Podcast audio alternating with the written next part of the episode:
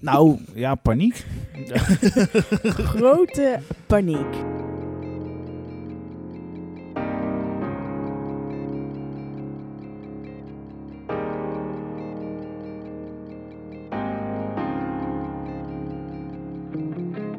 Hoi, ik ben Suzanne, oftewel gewoon Suus dus. En met kerst vier ik feest. Of nou ja, dan heb ik 15 jaar diabetes type 1. Sommige dagen voelt dat als een eeuwigheid, maar eerlijk, de jaren zijn voorbijgevlogen. Tijd dus voor een terugblik. Hoe is het om vanaf je achtste te leven met diabetes? En wat is er in die jaren veranderd? Ik deel het graag met je in deze podcast Gewoon Diabetes dus. Deze eerste aflevering ga ik samen met mijn broer Sander terug naar de dagen vlak voor kerstmis 2005. Daar waar het allemaal begon. Maar eerst duik ik tussen de spullen van toen. Zo vind je nog eens een uitgebrinte alvleesklier. Mijn spuitdiploma. Leeftijd 9 jaar, datum 28 december 2005. Toen was ik nog geen 9. ik weet het niet eens meer dat we zoveel dingen kregen. Zijn allemaal kaartjes. Ik word hier een beetje sentimenteel van. Meid, weet je nu echt niets leukers te doen in de kerstvakantie? We hopen dat je snel weer thuis bent. nou, ik denk dat ik heel veel andere plannen had voor die kerstvakantie, maar ja. Ik denk echt dat ik dit nooit meer weg ga gooien.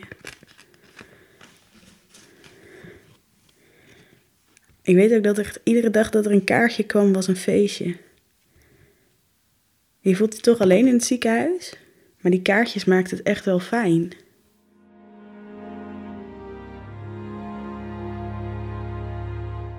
Een behoorlijke trip down memory lane dus. En met al die herinneringen ga ik op weg naar Sander. Hij is 3,5 jaar ouder dan ik en hij was 12 toen ik plots in het ziekenhuis lag.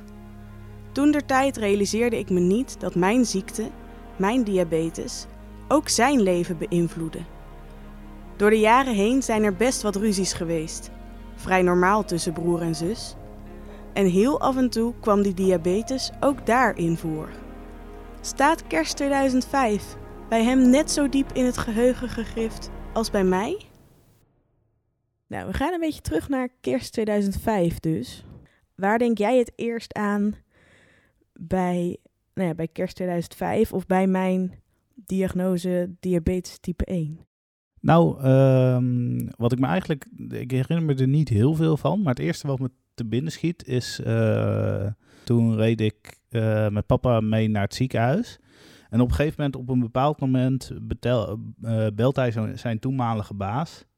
En ehm, ja, legde die uit van... Ja, ik ben de komende tijd wat minder op het werk. Want dit en dit is verhaal. En dat is eigenlijk het... Ja, wat me daar het meest van bijstaat. En wat me... eh, op een gegeven moment hebben we geoefend op eh sinaasappels met eh, spuiten. Ja, dat klopt inderdaad. Ja, spuiten op een sinaasappel. Ik vraag me af of ze dat nog steeds zo doen in het ziekenhuis. Toen was het de normaalste zaak van de wereld. Met je insulinepen oefenen op een stuk fruit, zodat je leerde hoe je zelf insuline moest spuiten. Maar dat ik dat zou gaan doen, daar had ik nog geen weet van toen ik drie dagen voor kerst naar de huisarts ging. De dag van de diagnose. Het was heel gek, want ik ging eerst naar de huisarts en daar had ik een hele hoge bloedsuiker. Volgens mij was het rond de 19 of de 21. Nou ja, er zijn veel ergere verhalen, maar het was in ieder geval een signaal dat het niet klopte. Maar ik weet dat ik nog eerst mee ben geweest met mama. Die werkte natuurlijk op een basisschool en die hadden daar kerstfeest. En ik heb nog slingers op staan hangen. En daar werden we toen gebeld van, ja, je moet nu echt wel naar het ziekenhuis. Ja, daar heb ik dus totaal geen herinnering meer van. Hoe dat die dag is gegaan. Maar dat is het enige. Ik weet dus ook niet helemaal of die herinnering klopt. Maar voor mijn gevoel was ik 's ochtends naar de huisarts. Ben ik daarna nog, nou ja, leuke dingen gaan doen. En daarna ging het balletje pas rollen dat ik ineens naar het ziekenhuis moest. En dat er echt wel iets ernstigs aan de hand was. Want dat het niet niets was, bleek al snel. In het ziekenhuis was de kinderarts duidelijk. Diabetes type 1 heb je levenslang. Wen er maar aan. Mijn bloedglucosewaarde van rond de 20 was niet schrikbarend voor een diagnose. Regelmatig komen mensen met veel hogere waardes, van soms zelfs boven de 50, in het ziekenhuis terecht. Maar het was wel zaak om een bloedsuiker snel normaal te krijgen. Wat voor iemand met diabetes inhoudt dat het gemiddeld tussen de 4 en de 10 moet zijn. Dat betekende dat ik acht dagen in het ziekenhuis lag om te leren over koolhydraten tellen, bloedglucosewaardes meten en insuline spuiten. Het is wel grappig. Ik kwam mijn, mijn spuitdiploma dus tegen toen ik tussen mijn spullen zat te kijken. En dat klopt dus helemaal niet. Want daar staat dat ik mijn spuitdiploma heb gekregen op 28 december 2005 met een leeftijd van 9 jaar. Ik heb een, een spuitdiploma waarmee gefraudeerd is. Kunnen Oh. we zeg maar wel concluderen. Dus jij hebt nu, het is nu 2020, dus jij hebt 15 jaar illegaal lopen spuiten hier. Ja, dat zou je kunnen zeggen. Tot zover het officiële van een spuitdiploma. Ik was er heel trots op toen. Ja, en ik denk dat je redelijk, in een aantal banen mag je ook met werkervaring gewoon aan de slag. Ik denk dat jij redelijk wat werkervaring hebt op het gebied van spuiten, prikken Ja. en alles met naalden. Nee, uiteindelijk heb ik dat vrij kort gedaan. Zat ik laatst te bedenken. Want voor mijn gevoel heb ik heel lang gespoten. Maar als ik het terug ga rekenen. Mag was- ik, mag, ik, mag ik gokken? Ik zou zeggen, eh, eh, voor mijn gevoel een jaar of zes. Ja, maar dat dacht ik dus ook. Maar dat is helemaal niet. Want ik was elf toen ik aan de insulinepomp ging. Want dat deed ik net voordat ik naar de middelbare school zou gaan. Want dat was makkelijker. Dus je hebt maar drie jaar gespoten. Dus ik heb drie jaar gespoten. Ik besef dat ik zo weinig eigenlijk maar weet van die periode. Ook dat ik eigenlijk niet eens meer weet wat me exact is uitgelegd over diabetes. Ik weet dat ik het in het ziekenhuis eigenlijk allemaal wel prima vond wat er gebeurde. En er was, ik wist wel dat er heel veel veranderde, maar ik denk niet dat je als achtjarige echt overziet wat er voor de rest van je leven gaat veranderen. En ehm, hoe moeilijk het misschien allemaal nog wel gaat worden. En in mijn geval ook hoeveel het me uiteindelijk gebracht heeft. Want qua werk en dingen mag ik nu zoveel leuke dingen doen, ook door mijn diabetes, dat dat natuurlijk ook wel ergens een voordeel is. Maar dat overzie je natuurlijk op dat moment helemaal niet. Nee. Maar dat geldt natuurlijk, dat geldt natuurlijk voor iedere eh, chronische ziekte. Ja, Eh, dat je als je op zo'n leeftijd dat krijgt, dat je geen idee hebt wat de gevolgen zijn voor de rest van je leven. Ja, en het grappige is dat mensen wel eens tegen me zeggen: Je hebt het zo jong gekregen, dus dat is eigenlijk wel gunstig, want dan weet je niet meer hoe het leven was zonder. En op zich klopt het, ik heb geen idee meer hoe het leven zou zijn zonder diabetes.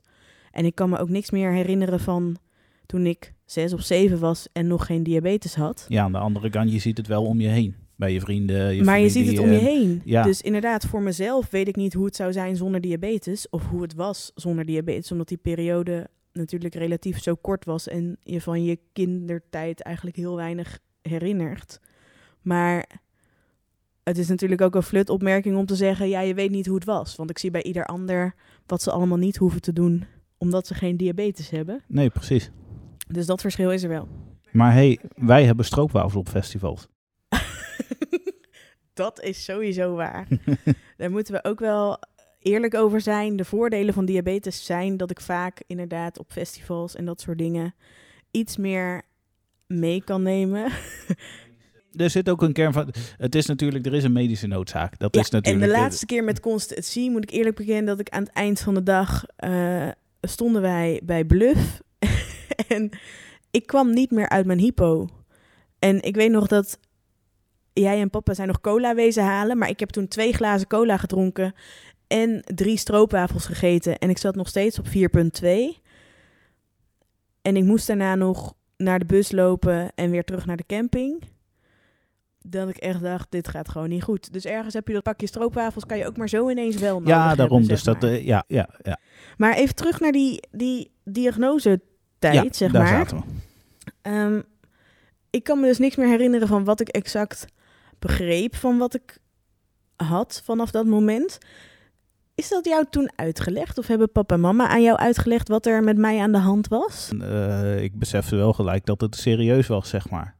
De, de, wat mij daarvan bijgebleven is dat, eh, de- de- kijk, vroeger, maar dat geldt voor heel veel ziektes natuurlijk, was diabetes dodelijk. Eh, Maar dat schetst voor mij wel de ernst van de situatie. Dat als jij geen insuline zou hebben, eh, dat jij dood zou gaan. Want dat is ongeveer de conclusie eigenlijk. Oh jeetje, maar dat, dat had jij dus door. Nou, weet ik niet of ik dat toen door had, maar dat eh, in ieder geval, dat staat me wel bij van die periode.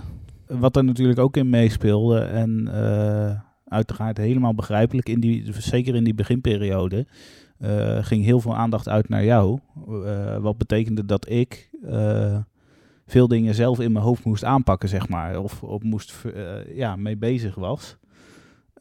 Dus, maar ook dat soort dingen. Dat, ja, dat ging in mijn hoofd malen. En da- daarom is dat denk ik ook wel bijgebleven uit die periode. En was dat de eerste maanden of bijvoorbeeld ook vooral wel die eerste acht dagen? Want ik zat te denken, ik heb acht dagen in het ziekenhuis gelegen. Voor mijn gevoel waren papa en mama er altijd. Wat denk ik niet helemaal klopt, want ik had ook... s- we moesten 's middags sporten en een heel programma met wat er overdag moest gebeuren. Maar voor mijn gevoel waren papa en mama altijd in het ziekenhuis.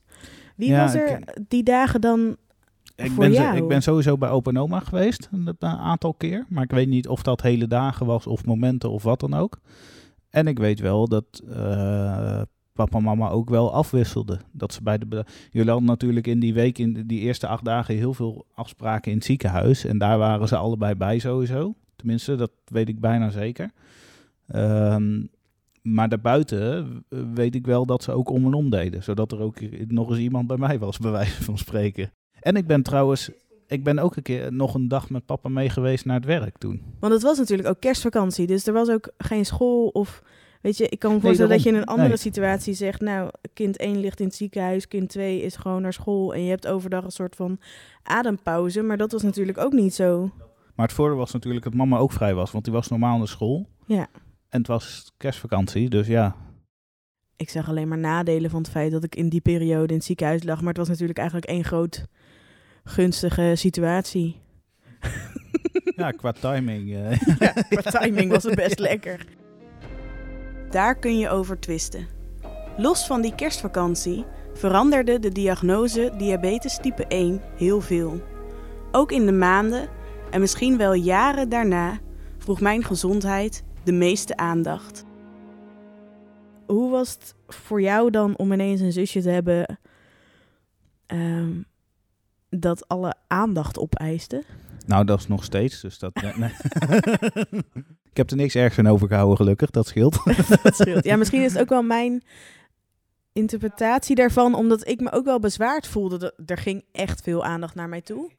En ik denk dat ik me daar ook schuldig over voelde. nu, nu wij ouder zijn, kun je dat relativeren en weet je precies waarom. Maar ik was toen 12 en wie weet kon ik toen nog niet bedenken eh, wat de noodzaak daarvan was, bij wijze van spreken. Maar ik vind het wel interessant dat dat bij jou niet zo is blijven hangen. Terwijl dat bij mij echt wel van de, de nou ja, van mijn jeugd was dat wel dat ik dacht, oh ja, ik kreeg wel alle aandacht. Heeft hij daar geen last van gehad? Nou ja, goed om te weten dat dat niet zo heel veel is. Wat ik me wel kan herinneren, dat jij op Oudjaarsdag naar huis mocht. Of was het Ja. Nieuwjaarsdag? Nee, Ik de dag voor Oudjaarsdag was het. Oh. Dit eind van de middag of zo. Want toen zijn we Toen- nog naar opa en oma geweest. Dat is weer iets, daar kan ik me weer heel goed herinneren. Dat het heel bijzonder was dat jij naar huis mocht, omdat dat ook al heel kort was eigenlijk. Het was heel snel, want in het ziekenhuis lag ik. Het was sowieso heel gek, want ik lag in het ziekenhuis en samen met vier andere kinderen met diabetes type 1. En dat was echt heel veel voor één ziekenhuis om op hetzelfde moment ineens. Het was in een periode van twee weken tijd lagen er ineens vijf kinderen met dezelfde aandoening. Ja, En statistisch gezien was dat heel gek.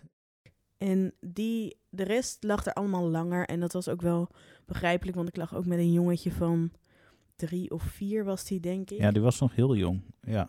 Dus het was heel begrijpelijk dat zeg maar, zo'n jongetje als hij ook langer in het ziekenhuis lag. Maar dat ik na acht dagen weer naar huis mocht, was echt wel een beetje... Ja, dat was Uniek. vrij uniek. Ja, maar, je En het mocht, was eh, ook wel onder druk van oud en nieuw. Ik wilde heel graag voor oud en nieuw thuis ja, maar zijn. ik kan me herin- herinneren dat het maar één dag was. Dat je ook weer terug moest. Maar dat is dan dus niet... Is dat dan fout gedacht? Nee, ik ben wel tussendoor één dag thuis geweest. Want je Oh, maar dat is misschien met kerst geweest dan al. Dat zou best kunnen. Tweede kerstdag of zo. Op een gegeven moment mocht ik halverwege die acht dagen, dat zou wel kunnen dat dat tweede kerstdag was of zo, mocht ik een ha- halve dag inderdaad naar huis. En toen ben ik ook naar opa en oma geweest. Dat heb ik in mijn hoofd. Oh, dat zou best Ja. kunnen.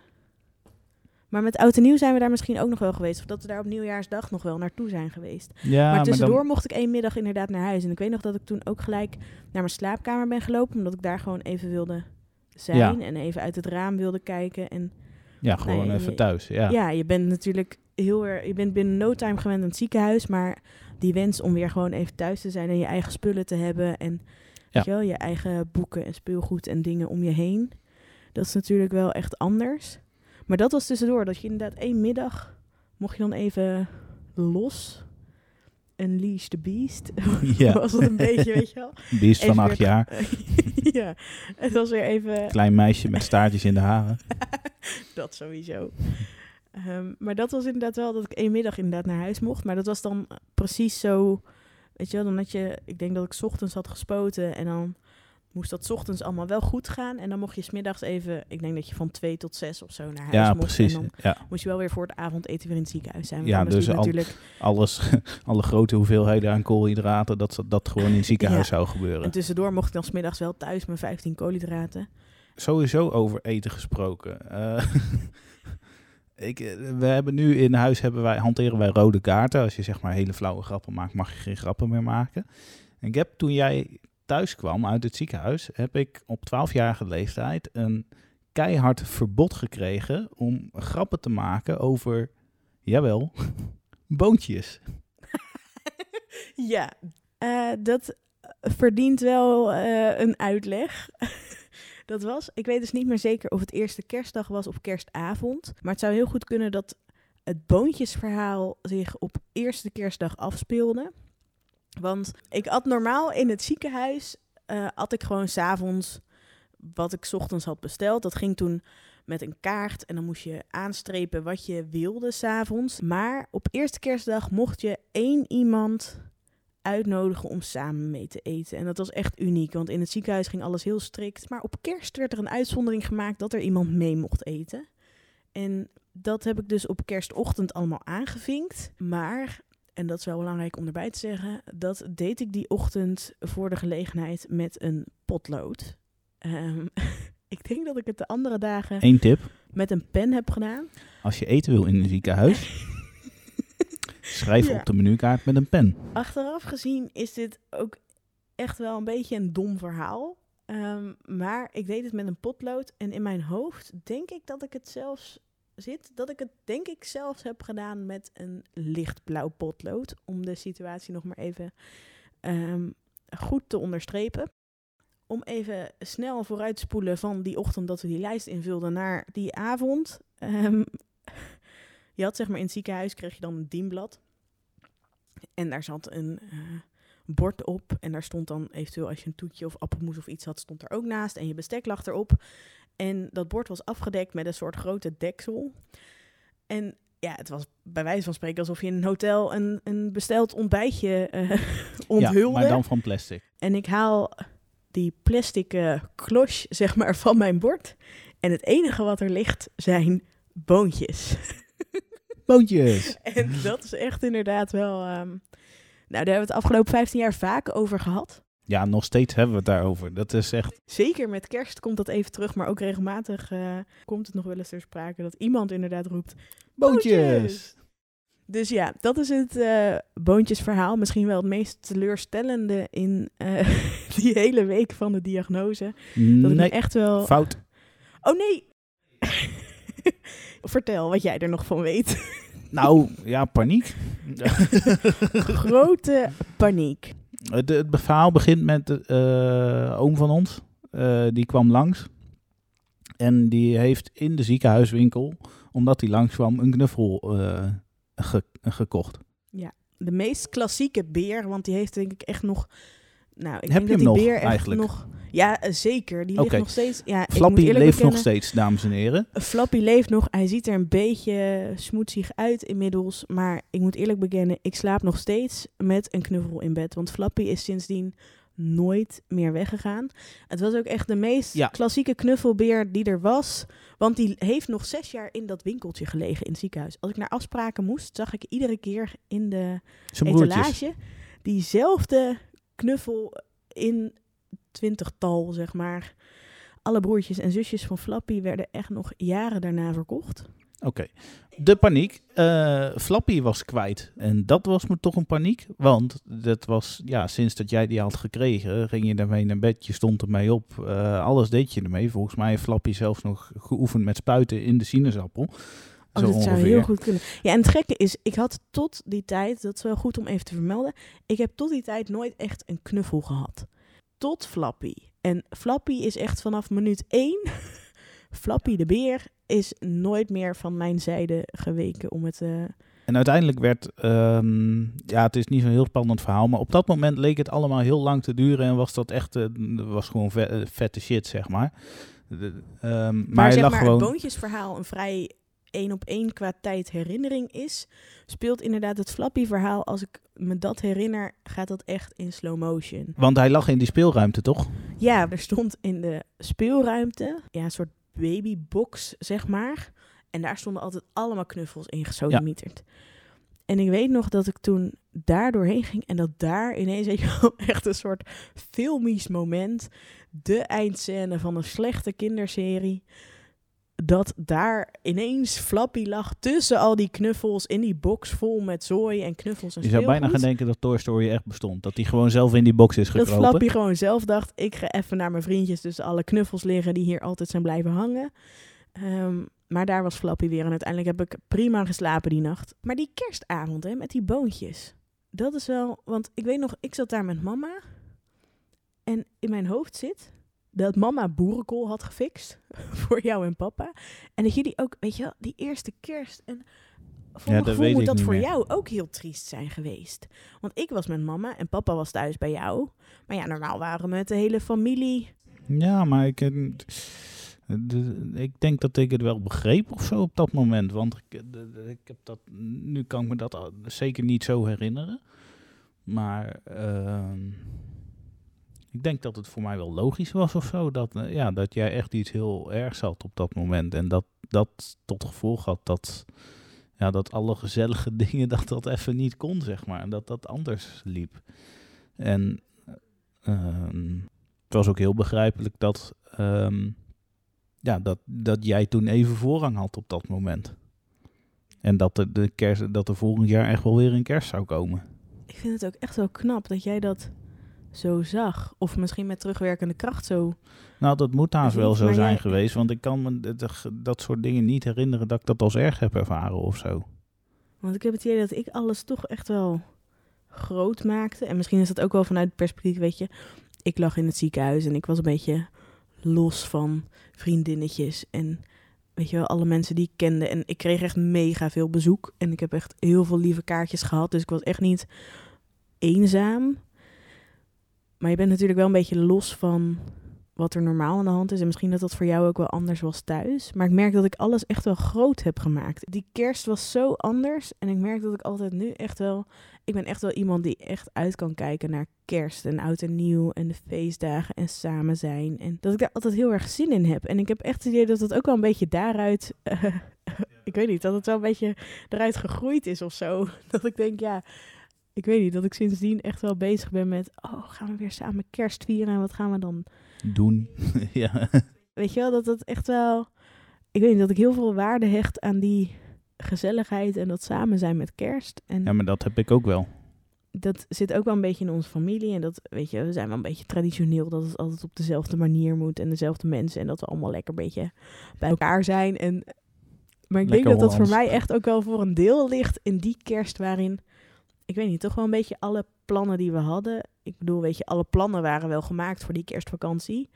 Ehm, en dat dat echt wel een beetje als een kaartenhuis in elkaar donderde. Ja. En niet doorging. En ik was heel blij dat ik voor oudjaarsavond weer naar huis mocht. En ik denk dat het me ook niet heel veel... Weet je, normaal was oudjaarsavond echt wel een beetje oliebollen eten en gezelligheid en gekke dingen en laat Ja, opblijven je en mocht dat soort natuurlijk niks. En ik weet nog dat ik die avond één oliebol mocht en één zo'n appelflap. Ja. En dat dat dan ook precies was, weet je wel, dat was dan het aantal koolhydraten en daar had ik dan voor gespoten. En dat, weet je wel, dat...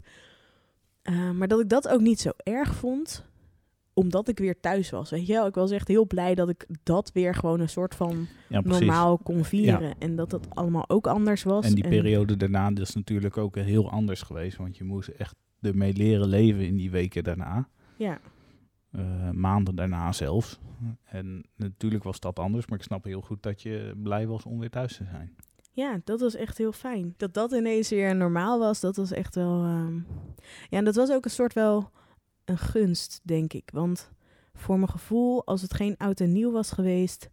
had ik misschien wel nog een dagje langer in het ziekenhuis gelegen. Of eh, weet je, misschien Ja, niet die twee wel. weken, die Ja. andere, eh, die ruim twee weken was het denk ik niet geworden. Maar volgens mij zat er wel een soort van, oh, maar het gaat eigenlijk wel goed. Dus als jullie alles netjes een beetje opvolgen, dan kan ze nu wel naar huis. Ja, precies. En een beetje normaal oudjaarsdag vieren. Ja. En eh, een beetje kijken naar het vuurwerk buiten. En dat dat dan een beetje normaal was. Ik heb het idee dat daar wel heel erg de wil lag bij de diabetesverpleegkundige. En Ja, maar ook denk ik wel omdat ze zagen dat papa en mama daar eh, ja, het heel goed begrepen en heel strak op zaten, zeg maar. Dat ze alles heel goed door hadden, hoe het werkte. En ik denk dat ik ook alles wel, ja, dat klinkt een beetje gek om van jezelf te zeggen, maar ik herinner me nog wel dat ehm, ik was heel leergierig en dat ben ik eigenlijk altijd geweest, ook gewoon Ja. op school en op, ja, dat heeft zeker meegeholpen. Ja. En ik merkte dat het in het ziekenhuis ook wel werd benoemd dat ik alles heel, weet je wel, het spuiten op een sinaasappel. ehm, nou ja, dat Ja. heb jij blijkbaar ook nog ergens op in je geheugen gegrift staan. Ehm, maar dat ik dat heel snel oppakte en ik vond het ook allemaal leuk om uit te proberen. En ik wilde ook alles een beetje zelf weten. En dat dat uiteindelijk wel een beetje er ook bij meehielp. En dat papa en mama inderdaad alles heel snel oppakte. Eh, dat dat echt wel meehielp in het... Oké, ze kan nu wel naar huis. En Ja. we kunnen er met een gerust hart... Ja, ik weet wel dat dat twijfelachtig was. Misschien nog wel tot op de dag zelf dat ze zoiets hadden van... ja, gaan we het er overheen tillen over de jaarwisseling of niet? Ja. Ja. En ik denk dat het voor mezelf en ehm, ja, het is toch een beetje een verwerkingsproces, zo'n diagnose, dat het voor mij heel goed is geweest dat ik naar huis mocht en dat we dat ja, eigenlijk als gezin dat vertrouwen kregen. Ja. En dat oudjaarsdag gewoon wel een beetje normaal was of zo. Weet je wel, kerst was al een beetje, nou ja, weet je, je moet het ook niet zwaarder maken dan het is, maar het was toch een beetje verpest. Ehm, en zo had ik toch nog een beetje kerstvakantie en een beetje ehm, gewoon de feestdagen en hoe dat hoort te zijn, zeg maar. Wat ik toen nog niet kon overzien, was dat levenslang diabetes langer is dan zo'n kerstvakantie. Oudjaarsavond thuis vieren en niet in het ziekenhuis was een cadeautje, maar tegelijkertijd begon het leven met diabetes type 1 daarna pas echt. Ik had nog een stukje kerstvakantie, maar daarna moet je weer naar school. En ben je ineens het meisje met diabetes. En moet je dat in de Ja. klas gaan vertellen. En ehm, weet je wel, je bent ineens in alles, hoe zwaar dat misschien ook klinkt, je bent ineens het kind met een ziekte of zo. Ja. En- Dat vinden wij niet raar.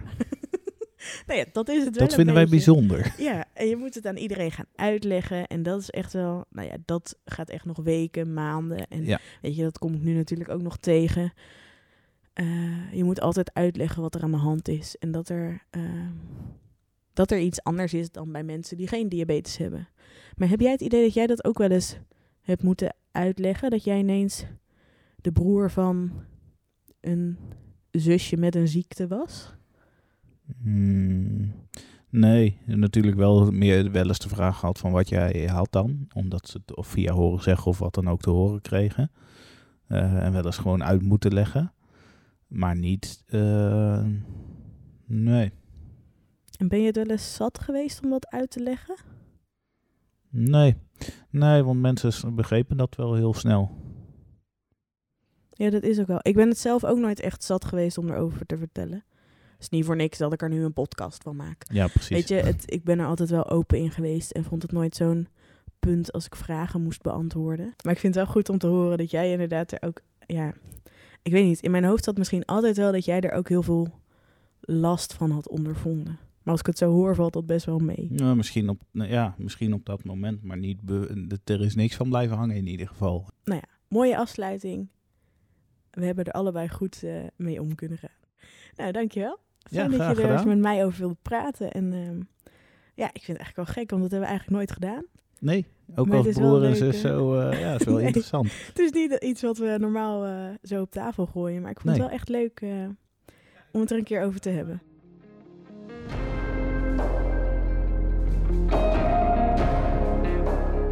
Gewoon Diabetes dus is een podcast over mijn leven met 15 jaar diabetes type 1. Ik geef je een kijkje in hoe diabetes mijn leven heeft veranderd en laat je kennis maken met de mensen die de afgelopen jaren een belangrijke rol hebben gespeeld.